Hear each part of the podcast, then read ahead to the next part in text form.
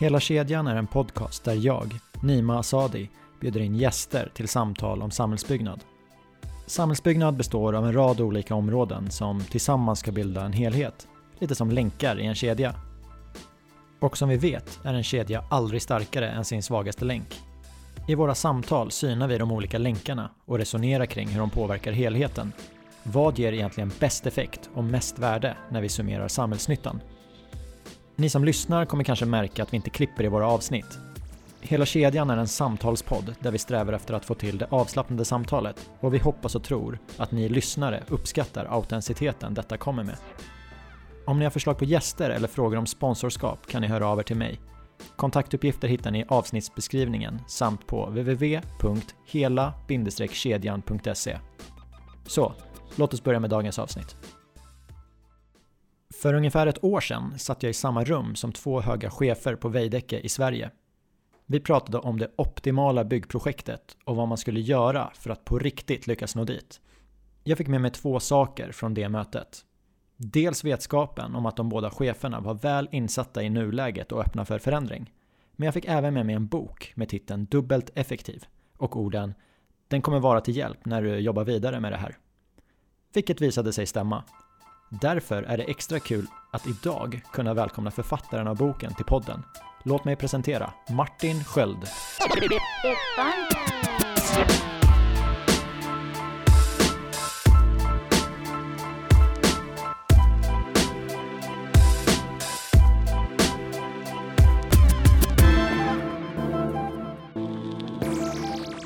Välkommen till podden Martin. Tack. Eller kanske jag som ska tacka för vi är i Handelshögskolans lokaler idag. Mm, det stämmer. Vi sitter i ett rum som heter Gunnar som är en gammal professor som fanns här tidigare. Ja, och Handelshögskolan är ju din arbetsplats till viss del. Mm. Så jag tänkte vi kan ju börja med vem är Martin och eh, vad, vad gör du om dagarna? Mm. Jag är 45 år ehm, och eh, ja, jag håller till här på på Handels eller Handelshögskolan. Och eh, jag är docent i företagsekonomi. Har forskat mycket kring eh, innovationsfrågor, operationsfrågor och liknande. Det handlar mycket om hur kan man få verksamheter att funka lite bättre, bli lite effektivare och, och smartare. Så det är väl mitt huvuduppdrag kan man säga. Så då utgår du från Handels, men jag antar att du har en hel del kontakt med eh, branschaktörer och vad som, vad som händer?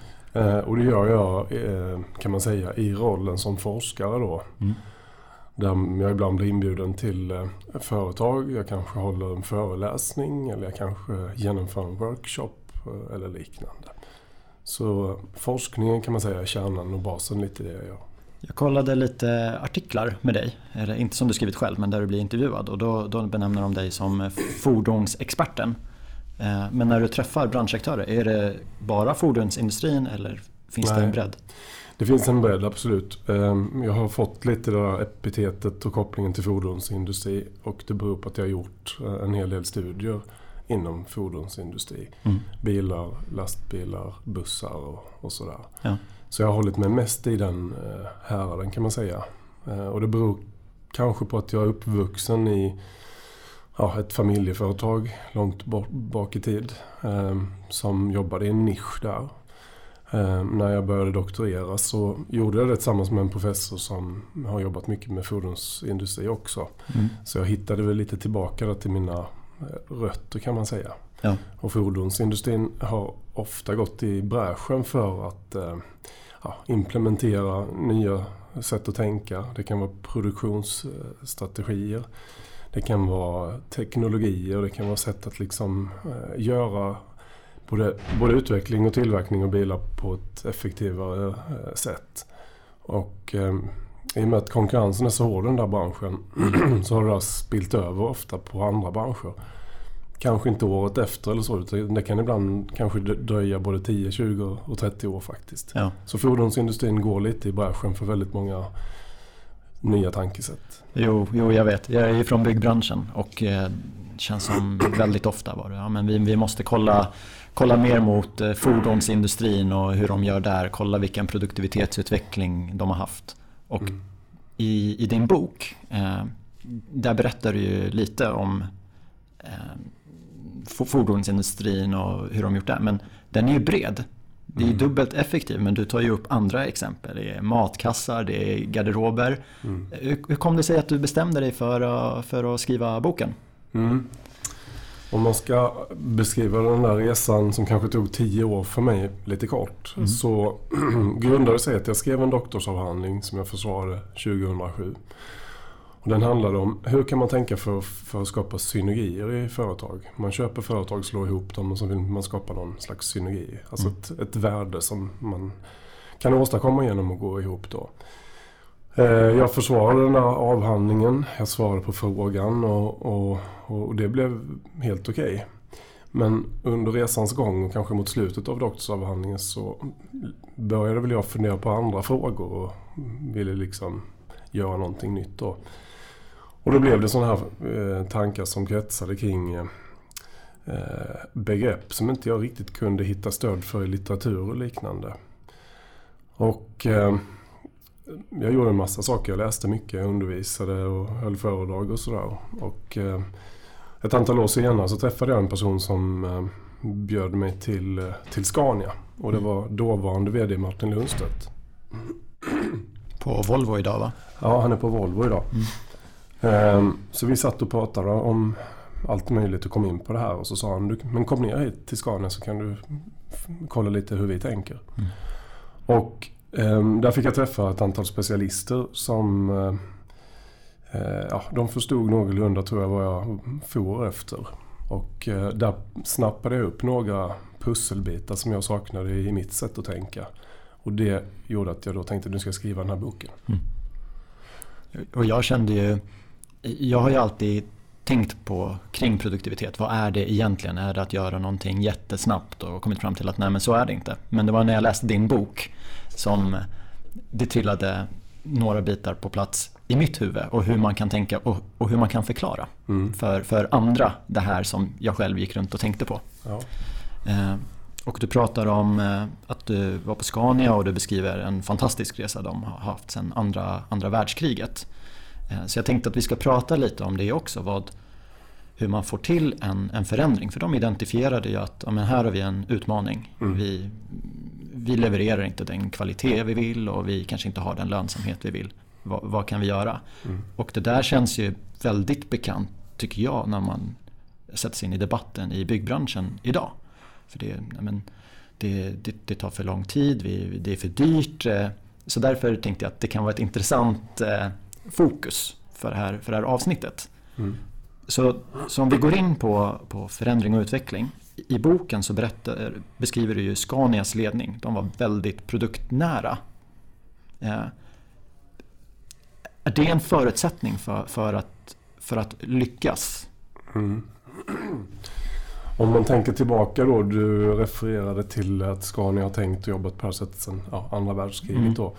Så um, beskriver jag det lite kort i boken att um, hur såg Europa ut efter andra världskriget? Och det var ju liksom sönderbombade länder och en trasig infrastruktur. Mm. Men efter kriget så skulle ju Europa byggas upp på nytt. Och eh, Sverige som då klarade sig eh, helt oskadda kan man ju säga vid kriget. Eh, var ju ganska snabba på fötter då och få igång eh, industri och liksom eh, försörja övriga Europa. Mm. Men det fanns ju många leverantörer som fanns ute i Europa som Scania hade jobbat med innan kriget och sådär. Så man stötte på mycket kvalitetsproblem. Och de här kvalitetsproblemen eh, eskalerade så Scania var ju lite illa ute eh, vid den tidpunkten. Mm. Och då gjorde man ett stort, eh, en stor satsning och det var Sverker Sjöström som hade bakgrund från Bofors och sådär. Som, som eh, såg över lastbilen, hur den är uppdelad i olika delar. Mm. Och så där är det nog både med de flesta produkter och tjänster. Att man kan se att de består av olika områden av delar som man sätter ihop till en slutlig produkt eller tjänst. Ja. Och, eh, så det var egentligen ett kvalitetsarbete och kvalitetsbehov som låg till grund för det här. Eh, så man började titta på motorer. Hur kunde vi göra de här eh, effektivare och öka kvaliteten? Och sen gick man igenom område för område. Mm. Och i den här omtaget som man gjorde så kom man också på att om varje del som ingår i en, en motor eller en hytt eller ett chassi eller så. Om den kan optimeras eh, på bästa sätt, bästa hållfasthet, eh, bästa konstruktion och så vidare. Så eh, tänker vi till lite här. Behöver vi då ha helt unika varianter av varje pryl? Eller kan vi på något vis komma på ett sätt att pussla ihop de här? Lite som lego då. Mm. Ehm, och det här sättet att tänka har medfört att Scania har ehm, färre komponenter än vad många andra i branschen har. Ehm, ungefär som lego faktiskt. Och genom att använda de här delarna så kan man sätta ihop dem på ett snillrikt sätt. Och då kan man ändå åstadkomma en, en önskad variation för kundens unika behov. Ja, men du, du nämner det att Scania kanske har färre delar än, än konkurrenterna. Är det så än, än idag? För jag antar att, eh, jag menar, om det är någon som sticker De andra måste ju hela tiden ta, ta efter och produktiviteten mm. blir ju högre i bilbranschen, för, eller for, inom fordonsindustrin mm. för varje år. Ja, enligt dem själva i alla fall så, eh, så, så har de eh, alltså färre delar mm. mot, mot jämförbara konkurrenter eller aktörer i samma bransch. Mm. Och jag tror det ligger en, en, en hel del sanning i det där. Sen är det ju också så att ett sätt att tänka då som man, som man kan säga att det här är. Eh, det, det präglar ju hur man är organiserad, hur man fattar beslut, eh, hur man gör saker, hur man tänker. Så att ändra en sån här sak tar ju lång tid. Ja.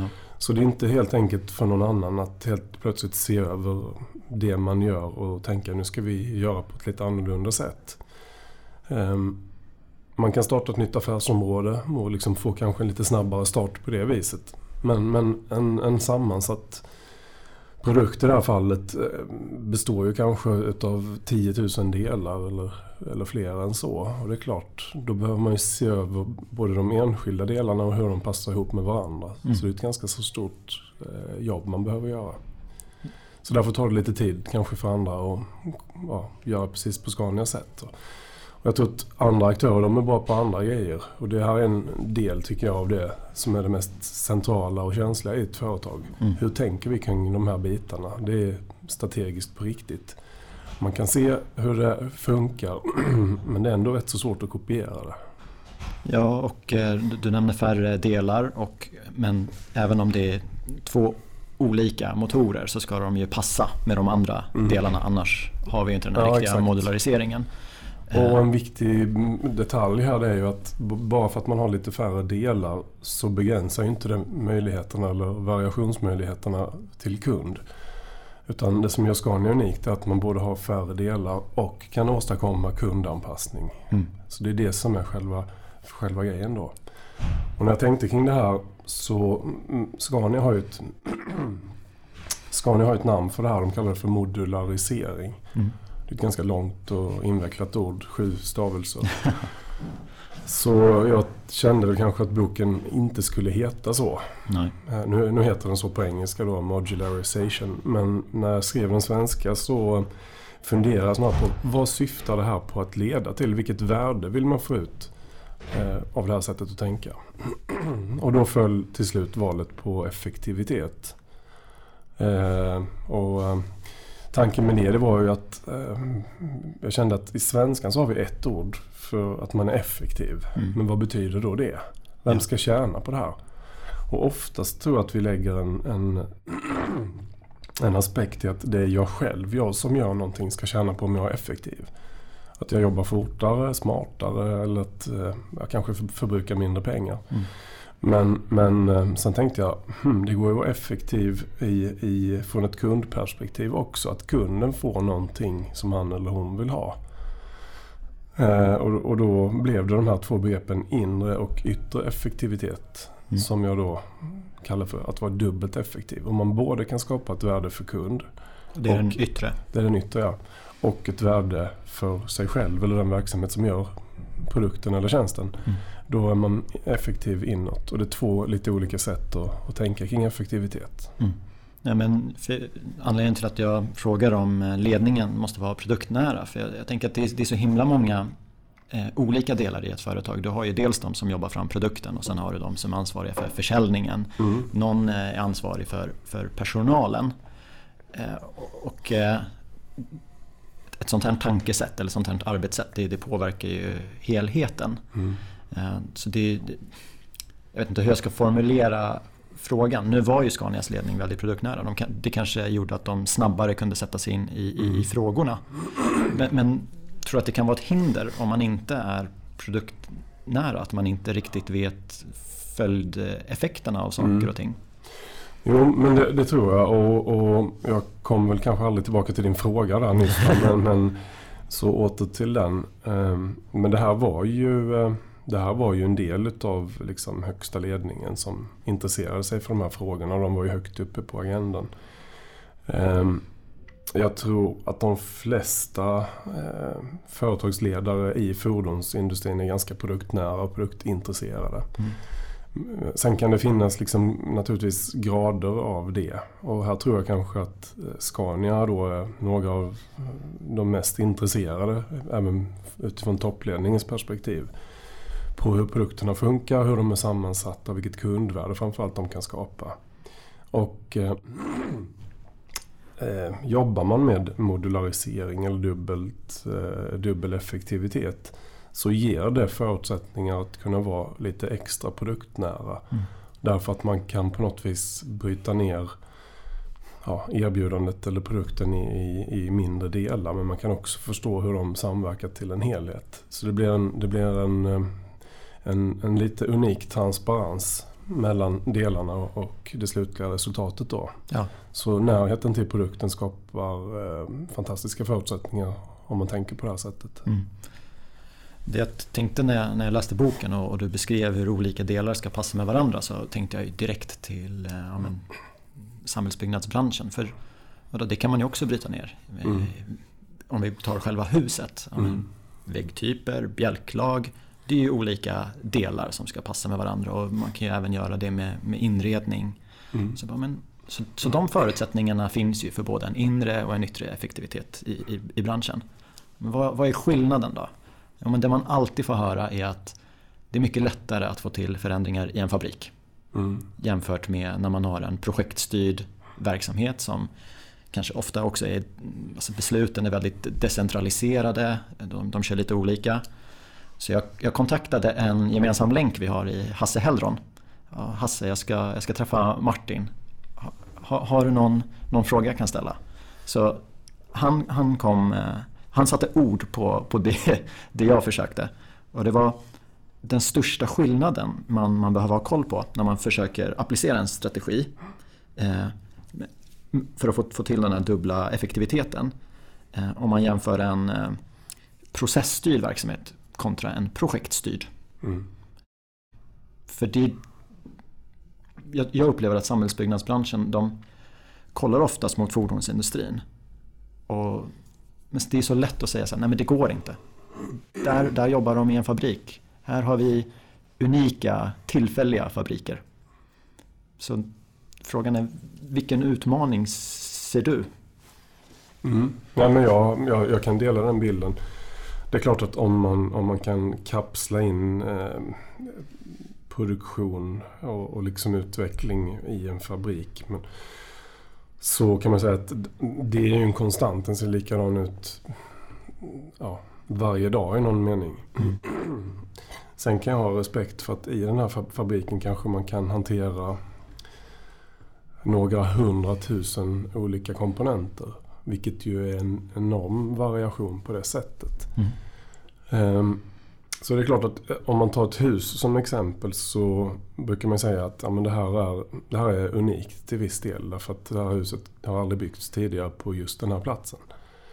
Så liksom markens beskaffenheter är ju okända lite. Mm. Sen hur man, hur man sen bygger själva huset, det kan ju inte jag i detalj. Men, men jag misstänker ändå att det finns likheter från eh, ett, en byggnad till en annan. Eh, men den stora skillnaden mellan de här två exemplen det tror jag då är att eh, man tillåter sig i samhällsbyggnadsbranschen att just acceptera skillnaderna och använder det lite som, som kanske ett försvar för att inte försöka bli den här fabriken så gott det går. Mm. Det, det, skulle jag gissa är ja. den avgörande skillnaden faktiskt. Så det är en inställning och en mentalitet. Ja, och Apropå mentalitet så läste jag, du skrev ett jätteroligt inlägg på, på LinkedIn. Eller roligt, det var ett väldigt bra inlägg. Där du skriver att du, du träffar ibland chefer som vill hitta genvägar på avancerade behov. Mm. Och, eh, de, verkar önska att det, det ska finnas ett, ett, rosa piller som hanterar problemet.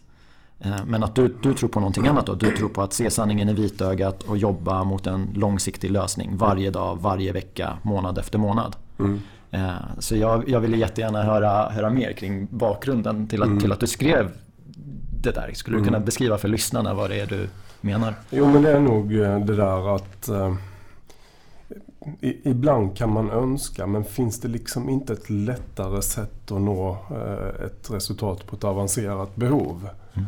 Ungefär som att en, eh, tar en idrottsperson som ska sätta världsrekord i höjdhopp eller så.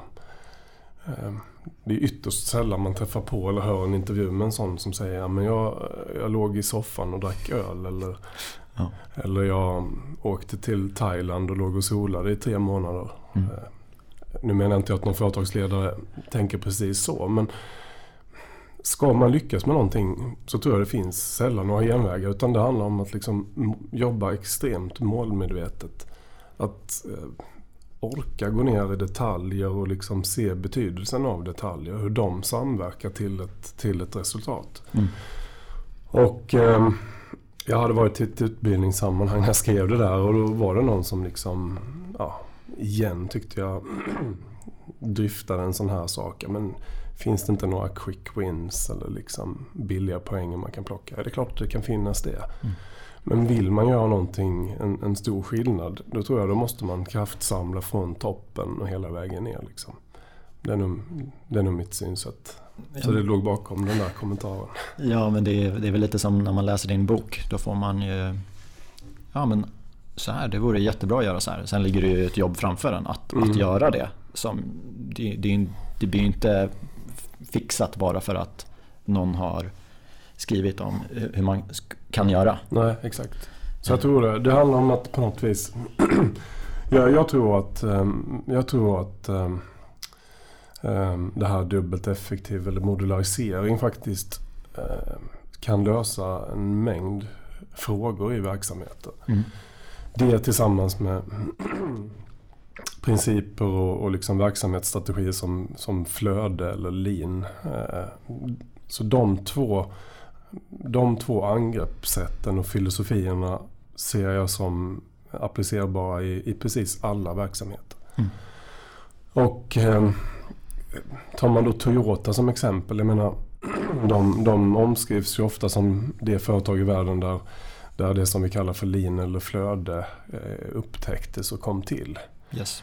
Och de menar ju att det är ingenting vi någonsin blir färdiga med vi går till jobbet varje dag för att försöka optimera flödena ännu lite mer. Mm. Um, så man är aldrig riktigt färdig med det. Det blir ungefär som att underhålla den personliga konditionen. Liksom. Den kräver ju också en insats. Både i termer av vad vi äter, hur vi lever, och sover och, och tränar och så vidare. Så vill vi ha bättre konditioner då måste vi faktiskt stoppa in det som krävs. Ska vi sköta ett företag på ett bättre sätt och, och sådär, ja då behöver vi ju faktiskt eh, se till vad som krävs även där. Så eh, får man flödena på plats först så tänker jag att därefter kommer de här tankarna kring modularisering. Därför att det handlar eh, delvis också om flöden, det går in i vartannat. Men sen är nästa fråga, hur, hur använder vi våra resurser på ett smart sätt?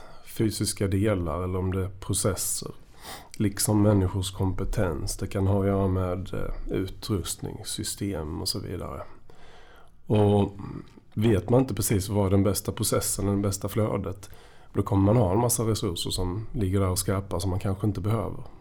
Så eh, jag vill nog ändå hävda att eh, de här två, jag kallar det filosofier, lean och modularisering de, de går att applicera i alla verksamheter som jag ser det med ett bättre resultat. Och då behöver man gå till jobbet varje dag och fundera lite på hur ska vi då eh, hur ska vi tänka för det första och sen behöver man då eh, anamma det här tankesättet. Och då får man acceptera att då är det vissa saker som vi har gjort historiskt som vi kanske måste sluta göra. Mm. Hur, hur viktigt, för jag hör det du säger och jag hör, har hört samma sak om lean. Att ja, men det är en pågående process och vi ska hela tiden bli bättre. Eh, men jag undrar, och här har ju du en helt annan insyn i fordonsindustrin än vad jag har. Men då gäller det att följa upp. Då gäller det att kunna sätta siffror på, på nuläget så att man hela tiden ser åt vilket håll man är på väg. Mm. Och min bild av byggbranschen är ju att eh, nyckeltalen har ju varit bokslutet. Mm. Så här många lägenheter har vi byggt i år och så här mycket pengar har vi omsatt och så här mycket har vi förhoppningsvis gått plus. Mm. Vi hade Lars Albinsson som gäst tidigare i, i podden. Och han, han hade gjort några jobb åt, eh, åt Volvo tidigare. Och han berättade att de hade ju 68 mätpunkter från att kunden lämnar sin beställning till att bilen är, är, är klar.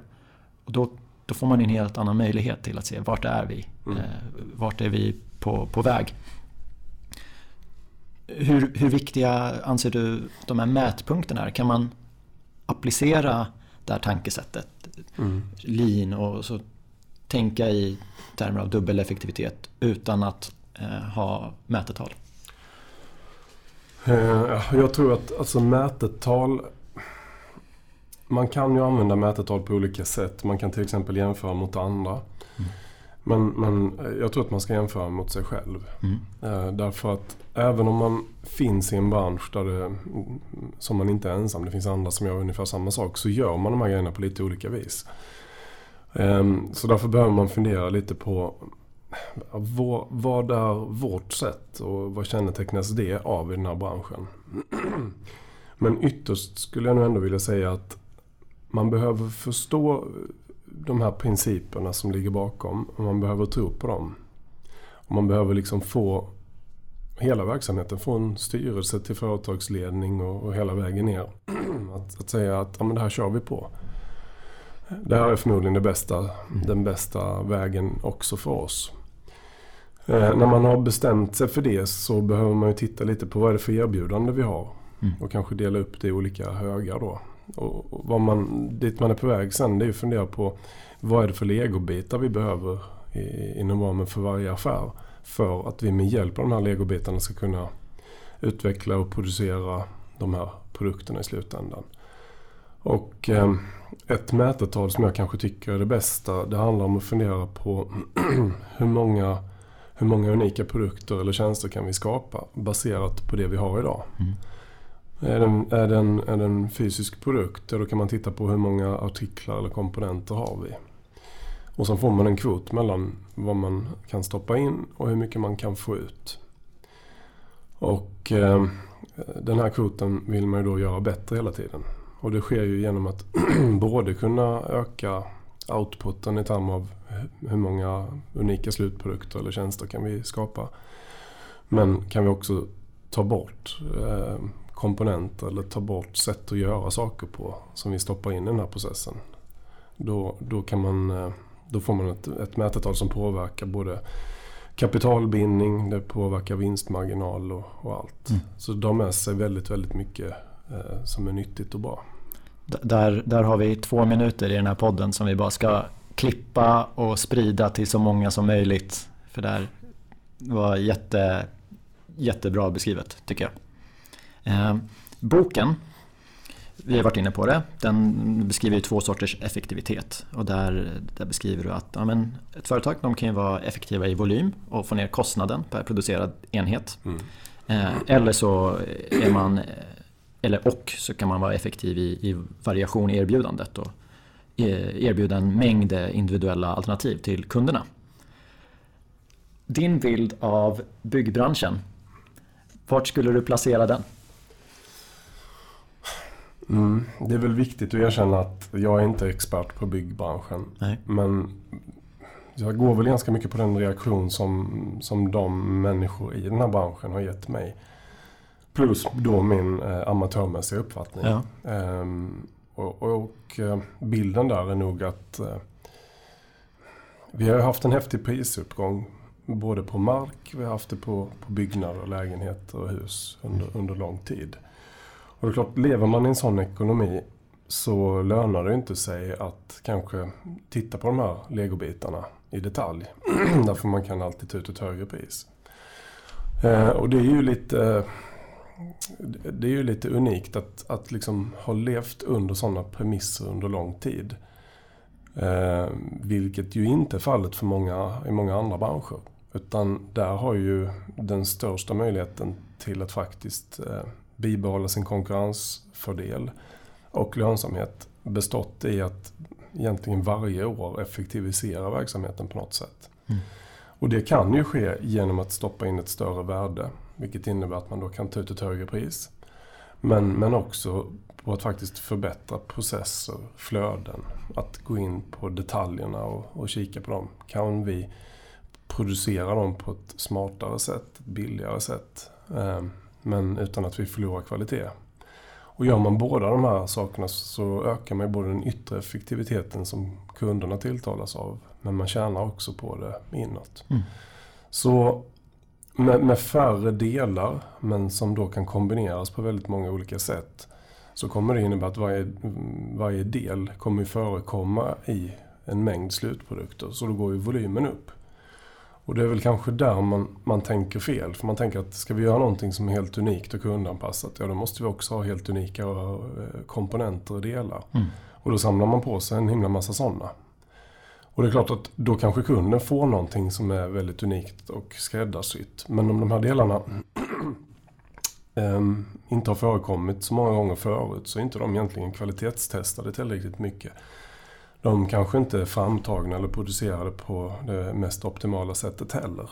Så där kan jag tycka att där um, ger man ju kunden någonting som kunden uh, betalar för men, men där kvaliteten kanske i vissa avseenden är lite okänd.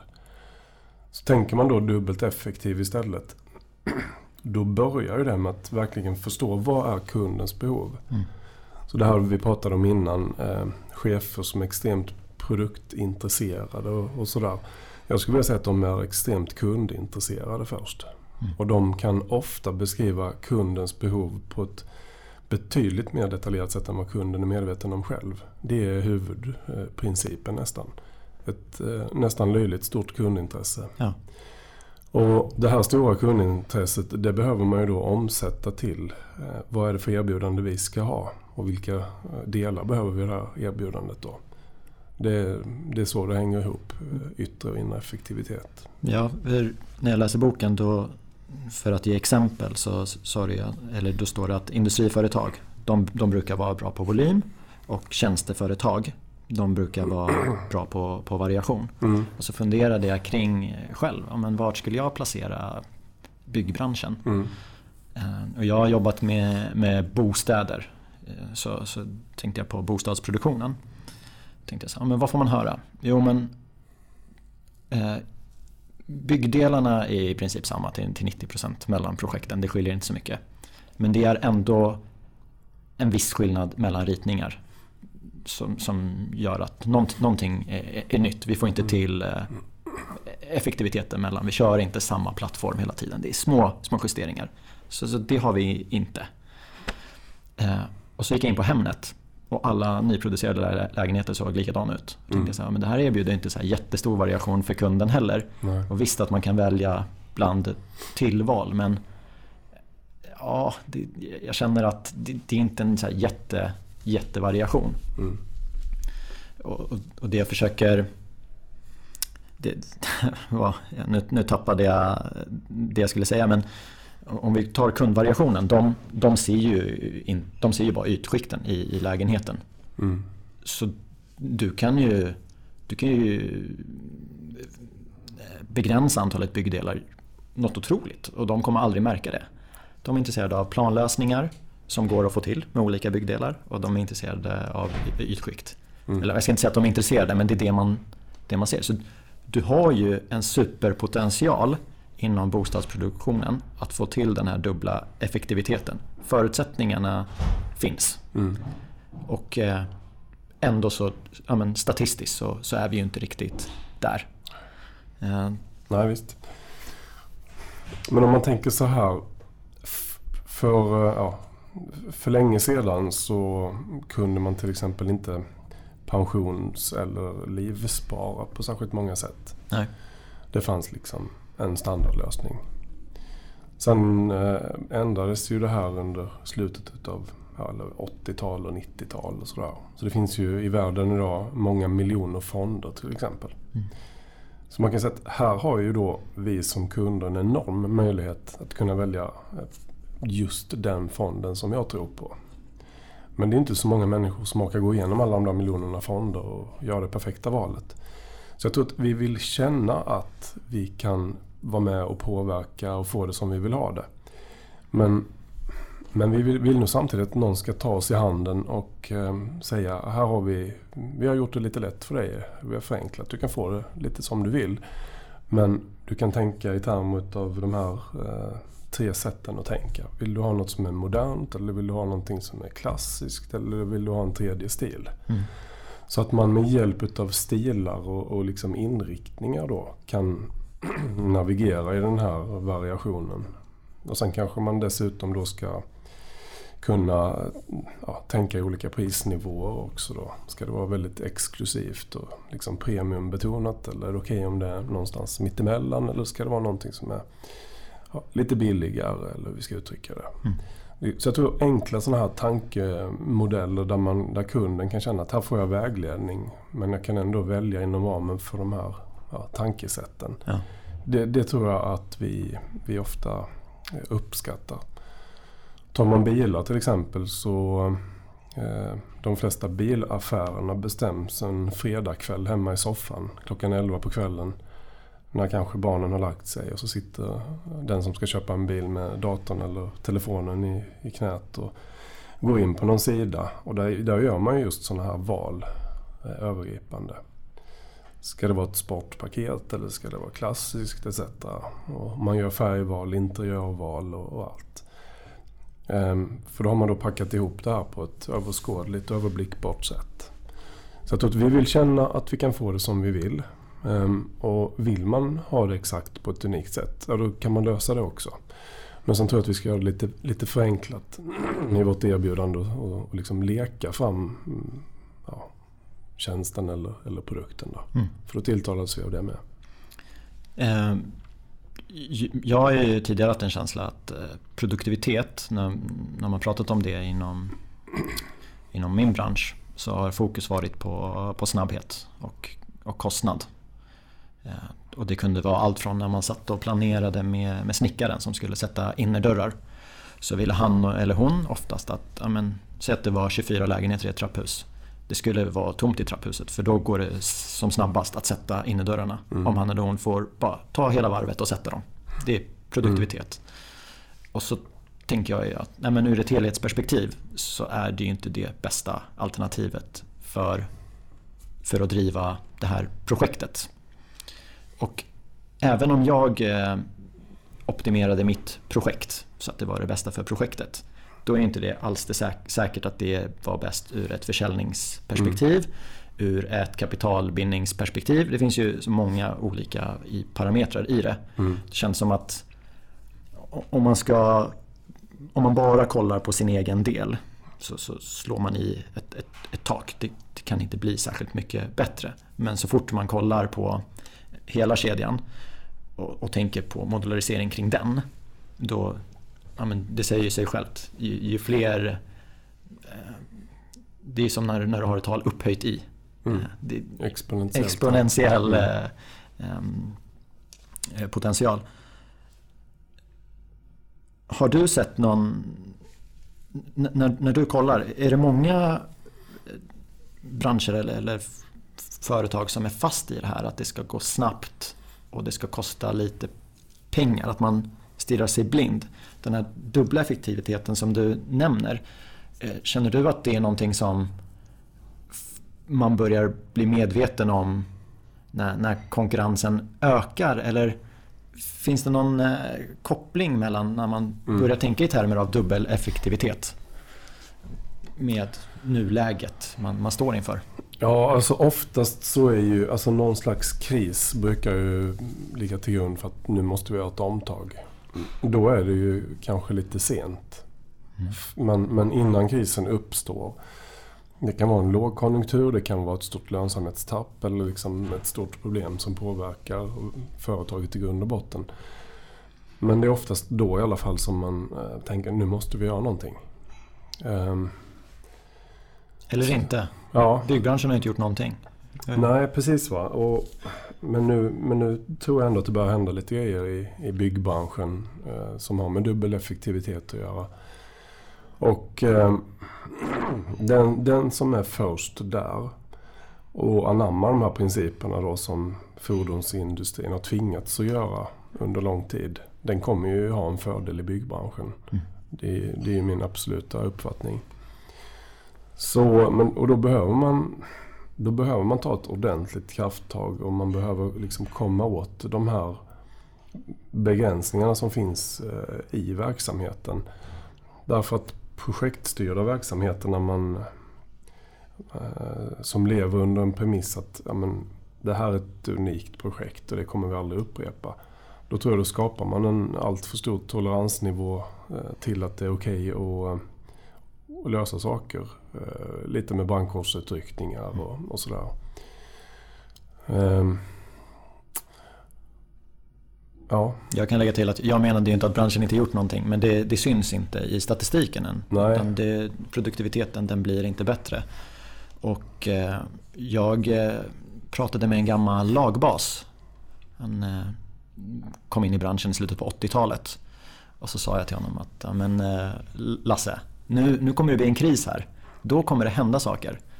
Och då sa han det jättevänligt. Men jag var med på finans och fastighets krisen mm. under 90-talet. Jag var med under dotcom-bubblan och eh, jag jobbade under Lehman-kraschen. Mm.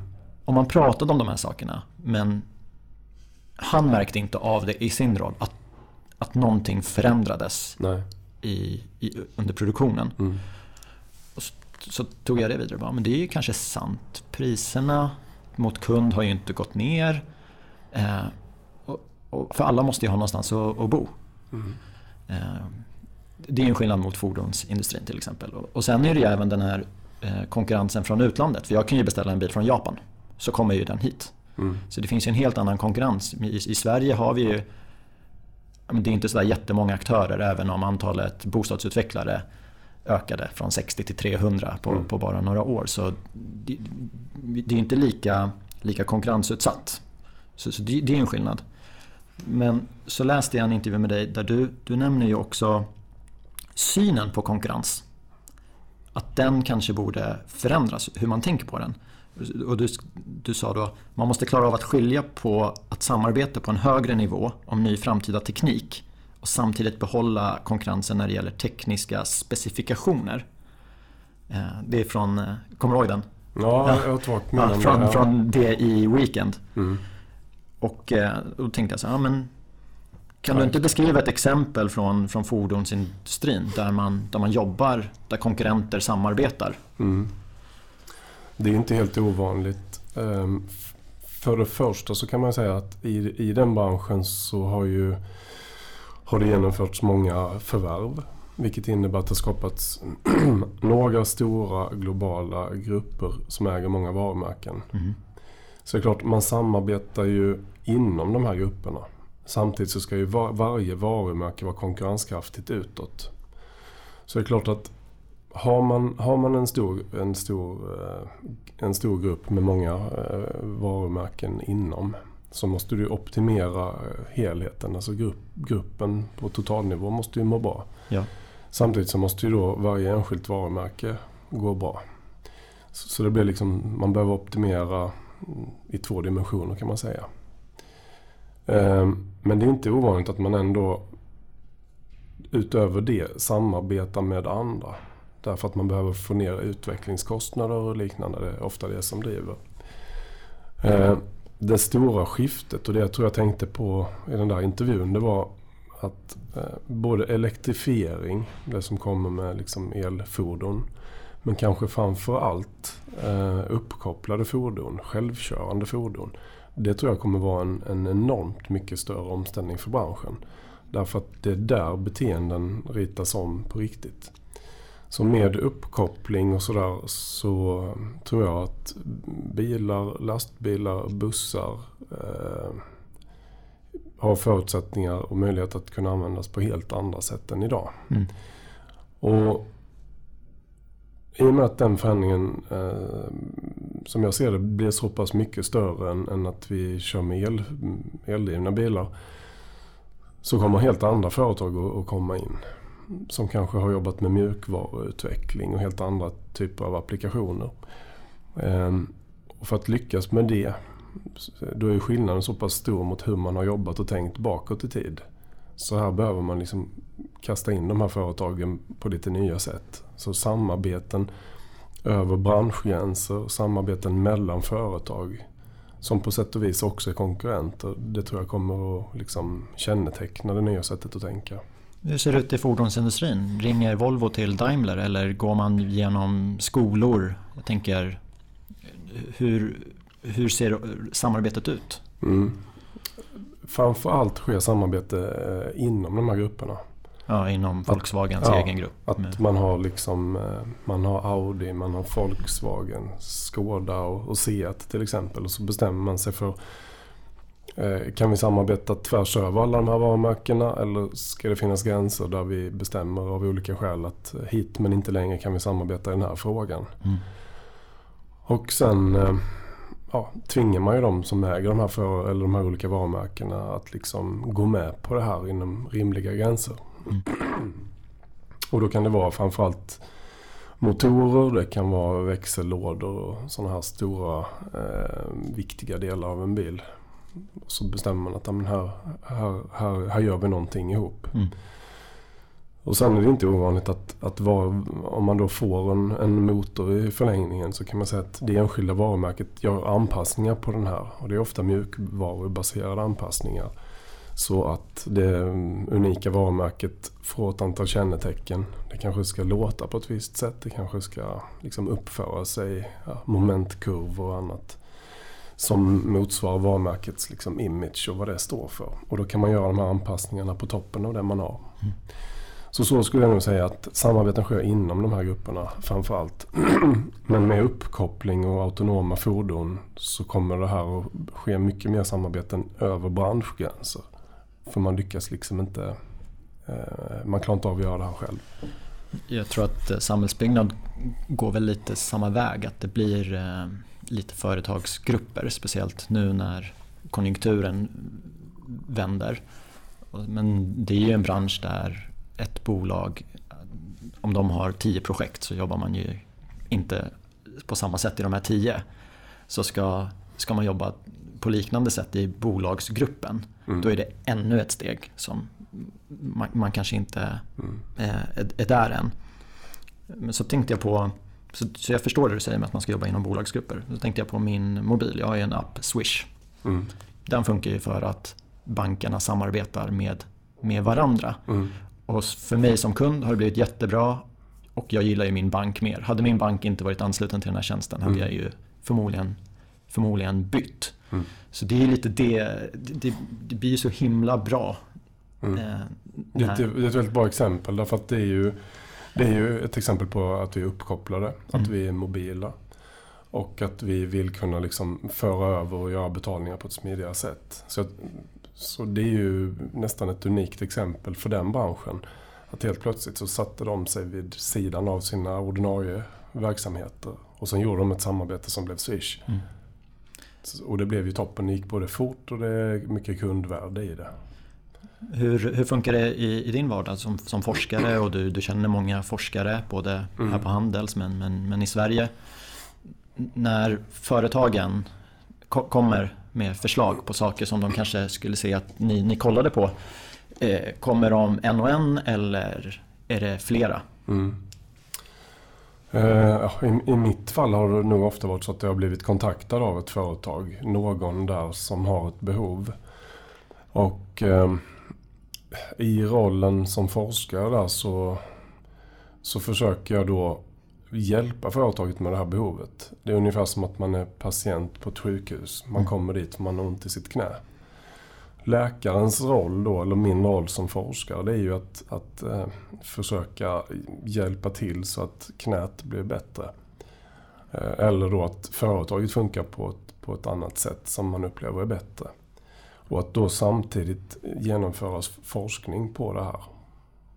Mm. Så eh, Ibland har jag gjort det själv. Eh, ibland har jag gjort det tillsammans med andra. Eh, det finns ju jätteduktiga människor runt om i landet som, som jobbar med liknande frågor som jag gör. Så då går vi ihop och så kanske vi bildar liksom ett, ett forskningsteam eh, där vi är bra på lite olika saker. Vi, vi hade Tina Karbom Gustafsson som gäst från KTH. Mm. Och där pratar vi om skillnaden mellan forskning och innovation. Att eh, ja, men företagen jobbar ju mycket med utveckling och innovation.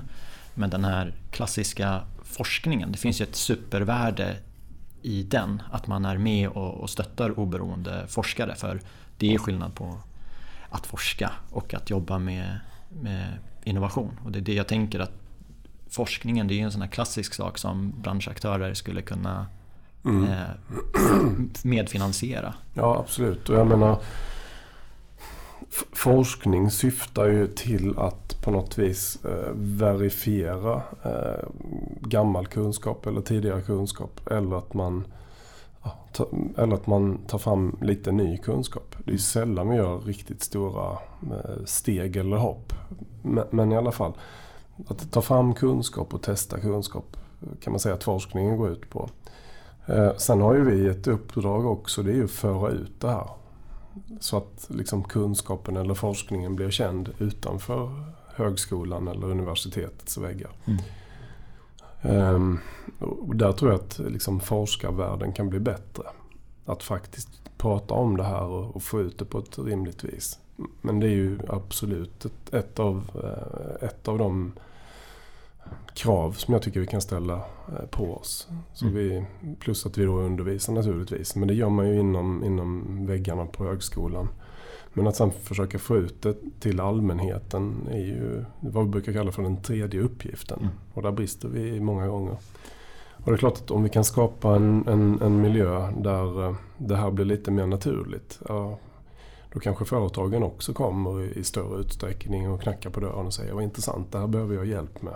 Kan du komma hit och hålla ett lunchseminarium eller någonting? Mm. Och helt plötsligt så har man ju skapat en relation och den kan ju leda till att det blir ett, ett nytt forskningsuppdrag och, och så vidare. Så då korsbefruktar man de här två världarna som ju ändå lever lite, lite isolerade liv. Mm.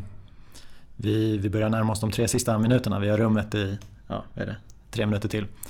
Eh, och du pratar om att få ut saker till, till allmänheten. Mm. Eh, en av eh, intervjuerna jag läste med dig, då hade du fyra punkter med, med, med, tips. Så jag tänkte att jag läser upp en, så kanske du, en och en så får du kommentera. Mm. Eh, nummer ett. Eller det är ju ingen inbördes ordning, men punkt ett. Styrelsen ska förstå och värna om grunden för dubbel effektivitet. Mm. Det går tillbaka till det vi pratade om eh, för en stund sedan då ska man få det här på plats och liksom modularisera en vara eller en tjänst så kan inte styrelsen tro att det här är någonting som någon ingenjör gör långt ner i en, en avdelning. Mm. Det här är en strategisk eh, fråga eh, i hela kedjan. Mm. Så styrelsen måste förstå vad det här innebär. Man behöver förstå det strategiska värdet, det ekonomiska värdet och man behöver också begripa eh, hur ska vi då jobba mm. så att man sanktionerar det här. VDn ska se till att modulerna utvecklas och förvaltas på ett långsiktigt sätt så att det alltid fungerar bra ihop. Mm. Eh, precis, det blir ju nästa steg i kedjan och eh, här behöver ju också VDn begripa varför har vi delat upp vår, vårt erbjudande i olika områden utav legobitar. Eh, så att man ger de förutsättningar som finns för att legobitarna förfinas och förbättras. Och att man inte tar några galna beslut att man helt plötsligt ska föra in helt nya legobitar som inte passar med de gamla. Ledningsgruppen ska se till att hela organisationen förstår fördelar, fördelarna med dubbel effektivitet. Mm. Det har vi också varit inne på. Det har vi också varit inne på och det blir ju det blir då steget därefter. Att eh, om man då är ansvarig för gula legobitar eller blåa legobitar mm. så behöver man förstå att eh, då ska vi helt plötsligt inte börja göra gröna legobitar och rosa. Mm. Eller legobitar av en helt annan storlek. Utan vi ska se till så att vi fortsätter att förfina de legobitar vi har. Och om det är så att kunden behöver en ny legobit då ska vi fundera på det. Då kanske vi ska lägga till en. Eller så ska vi ta bort någon legobit som, en, som kanske inte tillfört värde. Mm. Men då är vi på den nivån. Och så sista var mellancheferna ska utveckla basmoduler och variationsmoduler. Mm.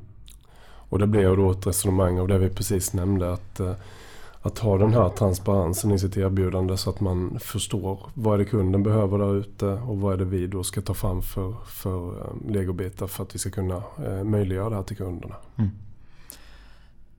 Ja, det var dem och nu tror jag vi har en minut kvar ja. i det här rummet. Så jag tänkte bara tacka för att jag fick komma hit. Jag har ju, när jag fick boken av Mats Nyström så hade jag ju inga tankar på att jag och du skulle sitta i ett rum och prata, prata om den. Så jag är jätteglad över att eh, du, du ställde upp och var med. Mm, det är jag som tackar. Jag tycker det var ett, eh, ett jättekul samtal som vi har haft och jag har uppskattat eh, ja, alltihopa. Så jag ser fram emot att få lyssna på podden själv. Ja, kanon. Och mer om dig kan man ju läsa. Du har ju en hemsida, martinskjold.se. Ja. Och eh, finns även på Youtube där du har jag kollade på något klipp om, om mötestid som jag tyckte var, var klockren. Jag vet inte om du ska lägga upp fler men jag mm. rekommenderar lyssnarna att gå in på hemsidan, gå in på Youtube och du finns även på, på LinkedIn. Ja, så ja. det är bara att knappa in mitt namn på LinkedIn så brukar jag OK de flesta kontakter. Det är bara kul. Ja. Så kan man ha en, en eh, dialog och man kan ha ett samtal där. Grymt. Då, då tackar jag för idag och eh, vi hörs om en vecka. Ha det bra. Hej!